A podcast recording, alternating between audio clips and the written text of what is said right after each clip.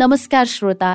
कार्यक्रम स्थानीय आवाजबाट प्राविधिक मित्र सृजना भुजेल तथा कार्यक्रम प्रस्तुता माधव तिमिल सिन्हा र म यमुना राणा। कार्यक्रमको यो नयाँ अङ्कमा तपाईँलाई हार्दिक स्वागत गर्दछौँ। कार्यक्रम स्थानीय आवाज तपाईँले हरेक दिन ठिक साँझ साढे सात बजेबाट आधा घण्टा रेडियो क्यान्डिड बयानब्बे दशमलव सात मेगा हर्जमा हाम्रो website W W W dot radio candid dot कममा हाम्रो आधिकारिक फेसबुक पेजमा रेडियो क्यान्डिडको एप्स डाउनलोड गरेर र पोडकास्टमा समेत सुन्न सक्नुहुन्छ।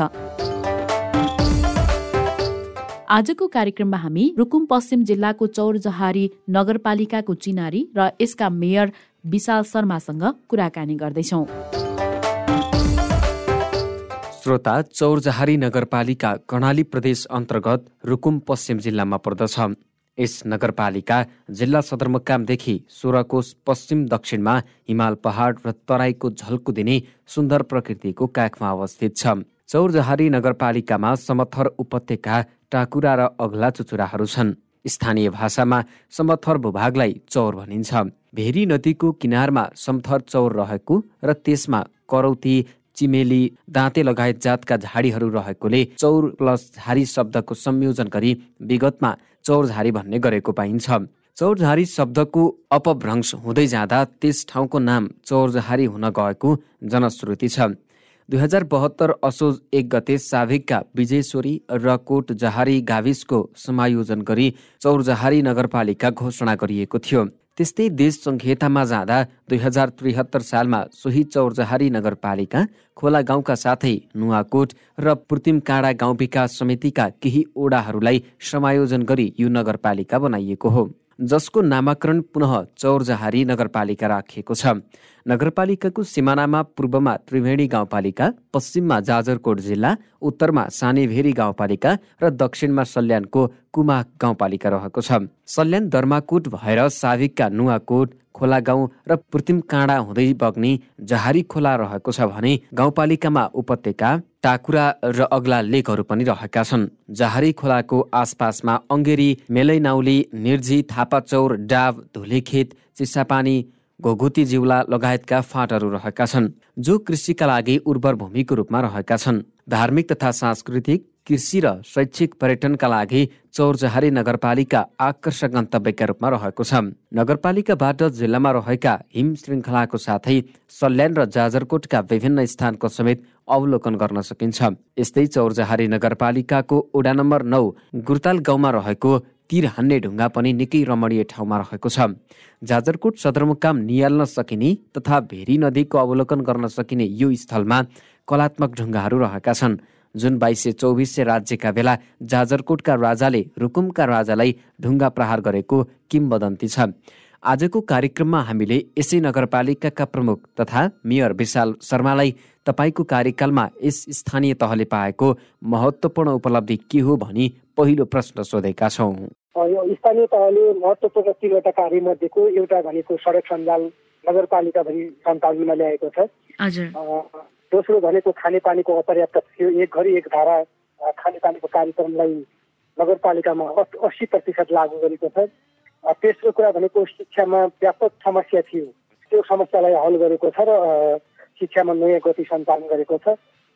यस्तै यस्तै कार्यक्रमहरू अगाडि बढेका छन्। यहाँहरू निर्वाचित भएर आउँदाखेरि चाहिँ को समस्या र अहिले यो पाँच वर्ष बित्दाखेरि चाहिँ यहाँले नै भन्नुपर्दा चाहिँ नगरपालिकामा के फरक पाउनु भएको छ? अब मैले यसबारे अलिक प्रश्न पार्नु पर्दा नगरपालिकामा पहिला हाम्रो नगरपालिकामा जति बेला हामी निर्वाचित भयौँ त्यो निर्वाचित भइसकेको बेला हाम्रो नगरपालिकाभित्र चौधवटा वडा छन्। त्यो चौधवटा वडामा एकाध ठाउँमा एकाध ठाउँमा भन्न भनेको तपाईँको जिरो पोइन्ट जिरोतिर भनौँ यति प्रतिशत मात्रै सडक थियो। अहिले हामी प्रत्येक वडा टोल गाउँ बस्तीहरूमा सबै ठाउँमा सडक ट्र्याक ओपन गरेका छौँ र मुख्य बाटाहरूलाई ग्रेभेलसँग जोडेका छौँ। केही बाटाहरू सडकहरूमा हामी कालो पत्रै गर्ने प्रक्रियामा अगाडि बढेका छौँ। र अहिले तीहरूमा नगर बस सञ्चालन भएका छन् एम्बुलेन्सहरू गुडिरहेका छन् र यातायात सवारी साधनहरूले राम्रो पाएका छन् र मान्छेको पाँच वर्षको स्थितिमा यातायात सडक यातायात क्षेत्रमा एउटा नयाँपना आएको देखेको देखेको स्थिति देखिन्छ। दोस्रो कुरा भनेको हामी विद्यालयतिर हेर्ने हो भने विद्यालयमा कुनै ठाउँमा विद्यालय छ भौतिक संरचना छ तर शिक्षक दरबन्दी छैन। विद्यालयको अनुमति पाएको छ पठन पाठनका लागि अनुमति पाएको छ शिक्षक छैन। शिक्षक पाएको छ विद्यालय भवनहरू छैनन्। यस्तो अस्तव्यस्तताको स्थिति थियो।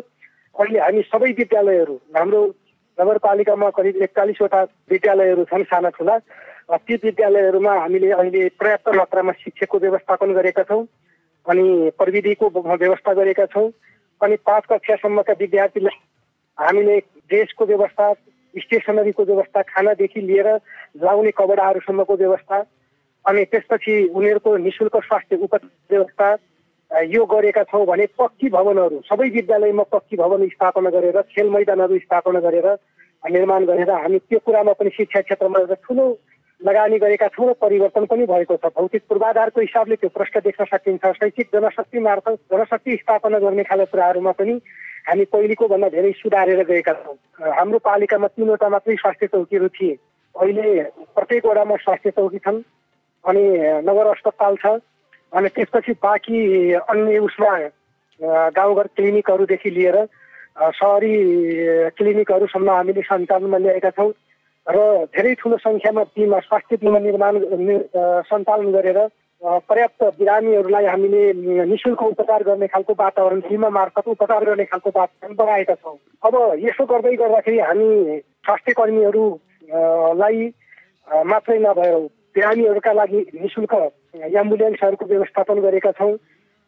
नगर बसहरू मार्फत तपाईँको हामीले बिरामीहरू मात्र हेर ज्येष्ठ नागरिकहरूलाई तपाईँको नि शुल्क सवार गर्ने खालको स्थिति बनाएका छौँ। यस्ता खालका स्थिति अब यो स्वास्थ्य क्षेत्रमा छन्। हजुर योसँगै मैले अर्को कुरा जोड्न चाहेँ। महिलाहरू जस्तो प्रसुति सेवा लिनको लागि चाहिँ हाम्रो स्थानीय तहमै प्रसुति सेवा उपलब्ध छ या बाहिर जानुपर्छ? बाहिर जानु पर्दैन। अहिले हाम्रो स्थितिमै तपाईँको नगर हस्पिटलमा त्यो सेवा छ। स्वास्थ्य चौकीहरूमा त्यस्ता सेवाहरू छन्। र सामुदायिक हस्पिटल पनि सञ्चालन गरेर त्यो भित्रबाट पनि छन् र एकाध कतिपय त्यस्तो इमर्जेन्सी एकदम यहाँ हुनै नसक्ने खालका एकाध केसहरू बाहेक नत्र हाम्रो पालिकाभित्र अहिले सल्यान जाजरकोट लगायतका आसपासका जिल्लाबाट सम्म सेवा लिने खालको स्थिति हुने खालको हाम्रो नगरपालिका बनेको छ। एकाध घटना त्यस्तो अहिलेसम्म पनि त्यो देखा परेको छैन त्यस्तो नहोस् तर हामी त्यस्ता खालका स्थितिमा प्रसुति सेवाहरू हाम्रो नगरपालिकाभित्रै सहज ढङ्गले सेवा दिने गरेका छौँ। यहाँले खानेपानीको कुरालाई जोड्दै हुनुहुन्थ्यो। अब खानेपानीको कुरा भन्नुभयो भने हाम्रो यस्तो स्थिति थियो कि डाँडा काँडाहरूमा तपाईँको पहाड खालको स्थितिमा एक घन्टा टाढा गएर दिदीबहिनीहरूले पानी बोक्ने खालको स्थिति थियो। सौरजारी एउटा यस्तो भ्याली छ समथर भाग छ भेरी नदी बगिरहेको छ त्यो भेरी नदीको धमिलो पानी खाने खालको स्थिति हुन्थ्यो। बर्खामा तपाईँको धमिलो पानी गाग्रीमा तपाईँको छिद्रिआएर अनि त्यसो त्यस्तो खाने खालको स्थिति हुन्थ्यो। होटेल व्यवसायहरूले खतरमा पानी बोकाएर तपाईँको प्रयोग गर्ने खालको स्थिति थियो भने अहिले हामी जति बेला पनि घरको उसमा हामी पानी पाउँछौँ एक घर एक धाराको काठ गरेका छौँ अनि पाँच युनिटसम्म पानी प्रयोग गर्ने खालको लिफ्ट लिफ्ट मार्फत हामीले त्यो पानीको उपलब्धता गराएका छौँ भने पाँच युनिटसम्म नि शुल्क वितरण गरेका छौँ। त्योभन्दा माथि अब अलिक छोरा व्यवसायहरूले सामान्य कर तिर्नुपर्ने स्थिति रहन्छ त्यस्तोमा एकाध पर्छन् अनि धेरै ठुलो सङ्ख्यामा पाँच युनिटले पानी पुरा गर्ने गर्छन् र त्यो नि शुल्क पानी खान्छन् भने अन्य धाराका पानीहरू मूलबाट आउने पानीहरूलाई पनि हामी सविस्तार गरेर धेरै ठाउँमा त्यो कार्यान्वयन गरेका छौँ। अब करिब करिब हामी एक दुई महिनाको समय छ त्यो भित्रको स्थितिमा नाइन्टी पर्सेन्ट त्यो काम पुरा गर्नेछौँ भन्ने खालको कुरा छ त्यसमा। नगरपालिकामा चाहिँ विशेष गरी उत्पादन हुने कृषि उत्पादनहरू के के हुन् र यसलाई प्रवर्धन गर्नको लागि के कस्ता कार्यक्रमहरू गर्नुभएको छ? कृषिमा हाम्रो ठाउँमा मुख्यतया तपाईँको खाद्यान्नतर्फ धान मकै यो पर्याप्त मात्रामा उत्पादन हुन्छ गहुँ उत्पादन हुन्छ। अनि फलफुलतर्फको स्थिति हेर्ने हो भने आँप लिचीदेखि लिएर ओखरसम्मको स्थितिमा उत्पादन नै हाम्रो भूगोल पर्छ। र देशकै सम्म सरकारी बिउ उत्पादनको राम्रो सम्भावना बोकेको देशमै चर्चामा आएको क्षेत्र पनि हाम्रो हो। यहाँ काबुली प्याज यस्तो खालको बिउहरू पर्याप्त मात्रामा पाइन्छ र देशकै स्तरमा गुणस्तर कायम गरेको छ। अब यसको लागि हामीले सङ्कलन केन्द्रहरू र यसको भण्डार कक्षका सँगसँगै हामीले शीत भण्डारको पनि अहिले योजना बनाएर कार्यान्वयनमा छौँ। उत्पादनको स्थितिमा हामी कृषकहरूलाई जस्तो भैँसी मानव पशुपालन र पन्छी पालनको सन्दर्भमा पनि लगानी गरेर हामीले कृषकहरूलाई सपोर्ट गरेका छौँ भने उनले उत्पादित गरेका वस्तुहरूमा हामीले नगरपालिकाले खरिद गर्ने खालको व्यवस्थापन गर्ने पनि तयारी गरेका छौँ भने कृषि अनुदान मात्रै नभएर कृषक पेन्सन कार्यक्रमहरू हामीले सञ्चालन गरेका छौँ सहुलियत कर्जा प्रदान गर्ने खालको कार्यक्रमहरू हामीले सञ्चालन गरेका छौँ यो कृषितर्फको महत्त्वपूर्ण कार्यक्रम हो। मैले रोजगारीलाई जोड्न चाहेँ युवा रोजगारी यहाँको स्थानीय तहको मात्रै होइन देशकै एउटा समस्याको रूपमा अहिले चाहिँ युवाहरू विदेशमा रोजगारीको लागि पलायन हुने र गाउँघर चाहिँ रित्तो हुने अवस्था चाहिँ छ। युवाहरूलाई रोक्नको लागि र स्थानीय स्तरमै रोजगार सृजना गर्नको लागि चाहिँ नगरपालिकाले कस्तो कार्यक्रमहरू ल्याएको छ अथवा के कार्यक्रमहरू गर्यो? यसमा युवाहरूलाई स्वदेशमै रोक्न सक्ने त्यो क्षमताको बजेट स्थानीय तहमा हुँदैन। स्थानीय तहमा आउने खालको सीमित बजेटले हामीले समग्र क्षेत्रहरू विकास निर्माणका कामहरू उत्पादनका कामहरूदेखि लिएर शिक्षा स्वास्थ्य रोजगारका कर्मचारीहरू सबैतर्फ हामीले के गर्नुपर्ने भने त्यसलाई बजेटिङ गर्नुपर्ने स्थिति हुन्छ। त्यस्तो अवस्थामा युवाहरूलाई स्वदेशमै रोजगार दिन सक्ने ठुला कार्यक्रमहरू हामीभित्र हुँदैनन्। विशेष गरी अब यसलाई जोडेको हामीले कृषि उत्पादन मुख्य प्राथमिकता दिएका छौँ। युवाहरू कृषिमा आबद्ध हुने खाले कुरा भने हामीले औद्योगिक औद्योगिक ग्रामहरू सञ्चालन गरेर त्यो मार्फत पनि केही युवाहरूलाई रोजगार दिने खालको वातावरण सिर्जना गरेका छौँ जस्तो हामीसँग अहिले सञ्चालनमा लगतै आउने प्रक्रियामा छन्। हामीसँग यो दाना उद्योग जस्तो पशुपालन पन्छीपालनको लागि उनलाई आवश्यक पर्ने दाना उद्योग बिउ प्रशोधन उद्योग सिलाइ कटाई उद्योग जुस उद्योग अनि यस्तो खालको यो कापी उत्पादनको लागि कापी उद्योग यस्तो उद्योगहरू टिस्यु कल्चर यस्ता खालका स्थापना गरेर कार्यान्वयनको प्रक्रियामा आइ आउँदैछन् निकट केही समयभित्रै। यो मार्फत पनि हामीले एकातिर औद्योगिक ग्रामहरू सञ्चालन गरेर अर्को प्रक्रिया गरेका छौँ भने अर्को व्यापक कृषिमा आधुनिकीकरण गरेर रोजगारीको प्रक्रिया दिने भन्ने छौँ यसको लागि सङ्घ प्रदेश सरकारसँग पनि हातेमालो गरेर त्यस्ता कार्यक्रमहरू बनाइरहेका छौँ। हजुर। नगरपालिकाभित्र चाहिँ पर्यटनका क्षेत्रहरू पर्यटनको सम्भावना बोकेका क्षेत्रहरू के के छन् र पर्यटनको क्षेत्रमा चाहिँ के कस्ता काम भए? पर्यटन क्षेत्रमा विशेष गरी हाम्रो नगरपालिकाको एक साइडबाट भेरी नदी बग्ने गर्छ। हामी त्यसमा ऱ्याफ्टिङको प्रक्रिया अगाडि बढाएका छौँ। ऱ्याफ्टिङ मार्फत तपाईँको पर्यटकहरूलाई अनुभूति गराउने खालको कुरा। त्यसपछि करिब करिब अठार उन्नाइस सय मिटरभन्दा माथिका अग्ला डाँडाहरू लेकहरू छन् हाम्रो पालिकामा। त्यहाँ यस्तो मन्दिरहरू त्यस्तो खालको स्थितिको संरक्षणहरू गरेर हामी त्यहाँ पनि त्यो गरेका छौँ भने अहिले अलिक अग्ला टप साइडहरूमा अलिक त्यस्ता आधुनिक पर्यटन आकर्षण गर्न सक्ने योजनाहरू बनाउने खालको गरेर हामी अगाडि बढ्दैछौँ। यहाँको कार्यकालमा चाहिँ प्रदेश सरकार र केन्द्रसँगको समन्वय कस्तो रह्यो? कतिको समन्वयकारी भूमिका पाउनुभयो यहाँले? अब समन्वयको कुरा गर्ने हो भने अब बजेटको स्थिति आउँदा त प्रदेश सङ्घबाटै आउने भयो होइन? अब हामी नगरपालिकाहरू आत्मनिर्भर आफैमा बजेट यो आर्थिक हिसाबले हुँदैन यो स्थितिमा सङ्घ प्रदेशसँग त हुने नै भयो। बाँकी जटिल अवस्थाको स्थितिमा जति सपोर्टिङ हुनुपर्ने खालका कुराहरू हुन् अब ठुलो मात्रामा बजेट सङ्घ प्रदेश सरकारसँगको स्थितिमा फिज भएर जाने र स्थानीय तहलाई नपुग्ने खालको स्थानीय तहमा बजेटको अभावले कामहरू गर्न गाह्रो भइरहेको कैयौँ करोडौँ बजेटहरू सङ्घ प्रदेशबाट जाने भएको भए त्यो स्थितिमा अलिक समन्वय हुनु पर्थ्यो त्यति हुन सकेको छैन। मैले अलिकति फरक प्रसङ्ग जोड्न चाहेँ जस्तो स्थानीय तहहरूमा चाहिँ व्यापक रूपमा भ्रष्टाचार मौलायो राजनीतिक पहुँचको आधारमा अथवा आफ्ना आफन्तहरूलाई दिने गरिन्छ भन्ने कुरा पनि सुनिन्छ नि के भन्नुहुन्छ? अब पाँच वर्षको अवधिमा यो तिसौँ पचासौँ वर्षसम्म नभएका कामहरू पाँच वर्षको अवधिमा भएका छन् त्यो भ्रष्टाचार मानिन्छ त्यसलाई। हामीले जहाँ मैले अघि तपाईँलाई पहिले भने जब तपाईँको चौध हाम्रो सडक सञ्जाल भयो त्यसलाई भ्रष्टाचार मानिन्छ। पालिकाभरिमा तपाईँको खानेपानी भयो भ्रष्टाचार मानिन्छ। पालिकामा विद्युतीकरण भयो भ्रष्टाचार मानिन्छ। पालिकामा शिक्षा स्वास्थ्य व्यवस्थित भयो त्यसलाई भ्रष्टाचार मान्न सकिन्छ। अनि त्यस्तै गरी पालिकामा अहिले यस्तो कोरोनाले है के अरे यो कोरोना महामारीले हैरान पारेको अवस्थामा हामीले अक्सिजन प्लान्टहरू सञ्चालन गऱ्यौँ। अनि त्यसपछि पिसिआर ल्याब टेस्ट गर्ने मेसिनहरू सञ्चालन गर्यो। त्यसलाई भ्रष्टाचार मान्न सकिन्छ। भने यति यत्र खालका कामहरू हुँदै गर्दाखेरि स्थानीय तहमा व्यापक भ्रष्टाचार भयो भन्न भने संहिता विरोधी आवाजहरू हो यो संहिताको कारणले अथवा स्थानीय तहसम्म हुँदाखेरिको कारणले अहिले प्रत्यक्ष जनताले ठुलो लाभ पाएका छन्। अनि त्यसलाई भ्रष्टाचार मान्न सकिन्छ। यहाँको स्थानीय तहमा चाहिँ स्थानीय स्तरमा रहेको स्रोत साधनहरू के के हुन्? यसलाई कसरी व्यवस्थापन सञ्चालन गर्नुभएको छ?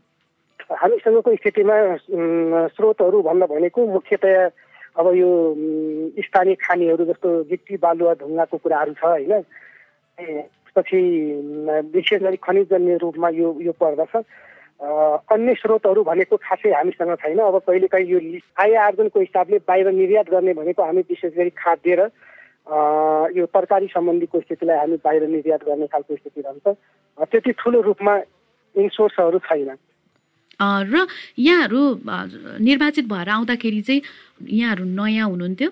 सबै कुराहरू नयाँ थियो। यसलाई चुनौतीको रूपमा लिनुभयो कि अवसरको रूपमा लिनुभयो?